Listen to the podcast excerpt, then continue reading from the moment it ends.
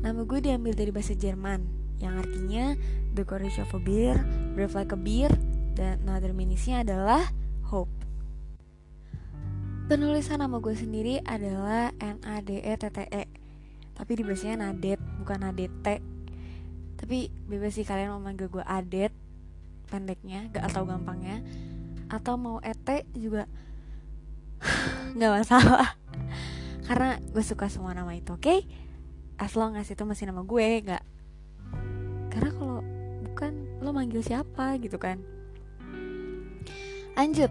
Sedikit TMI gue suka banget sama nama gue. Oke kita bahas TMI sedikit TMI gue suka banget sama nama gue. Ini gue kasih TMI karena ini mumpung masih episode perkenalan. Gue suka banget sama nama gue karena kata orang nama adalah doa kan jadi gue menyimpan banyak sekali doa di nama gue. Kayak sesuai artinya gue pengen jadi orang yang lebih berani dan gue pengen jadi orang yang penuh harapan. Maksudnya gue ingin selalu bisa berharap lah at least pada diri gue sendiri. Kenapa gue pengen jadi orang yang berani? Karena jujur gue termasuk orang yang cupu. Tapi gue nggak bangga sama kecupuan itu gitu. Justru gue pengen gue pengennya tuh gue bisa jadi lebih berani lagi gitu. Makanya gue suka banget sama nama gue ini. Semoga ini bisa menjadi doa dan jadi harapan terus jadi kenyataan.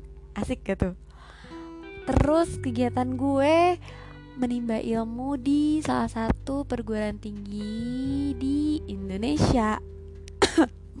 Sebenarnya kegiatan gue di rumah aja sih karena kan kondisi juga lagi pandemi ya. Ini masih bulan November tahun 2020 tandanya masih harus hashtag di rumah aja. Kalau hobi gue banyak hobi gue yang sekarang jadi kegiatan. Karena ya keterbatasan ruang gerak jadi gue ngelakuin hal-hal itu di rumah atau mungkin itu sebenarnya kegiatan yang akhirnya jadi hobi. Nggak tahu sih sebenarnya mirip-mirip gak ya? Kayaknya mirip-mirip aja. Atau mungkin itu sebenarnya kegiatan yang akhirnya menjadi hobi. Bisa jadi sih karena kan kita lakuin terus menerus gitu.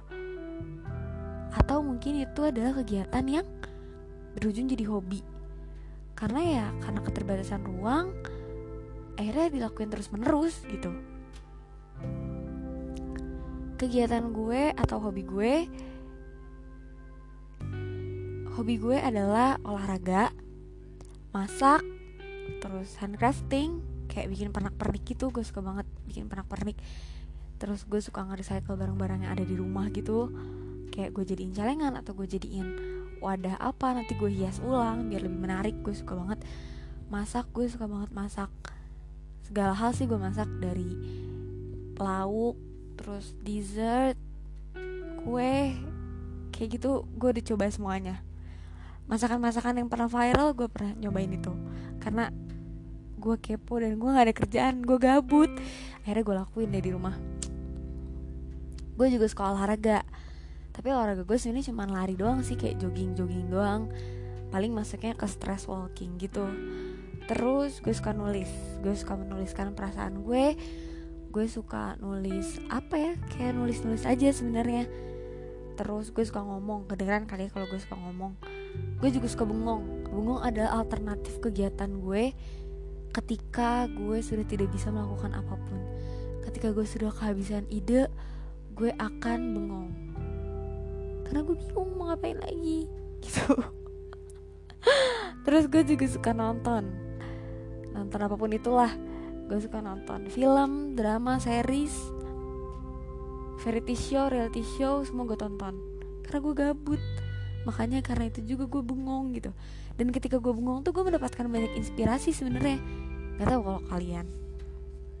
Mungkin kalau lo bengong buat bengong. Tapi kalau gue bengong adalah cara gue mendapatkan inspirasi.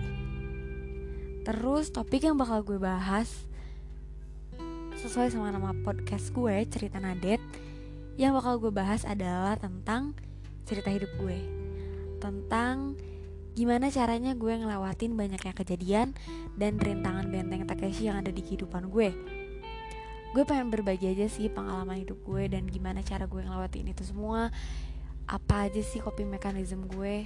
Setiap gue ada di satu kejadian atau ada di suatu apa ya rintangan.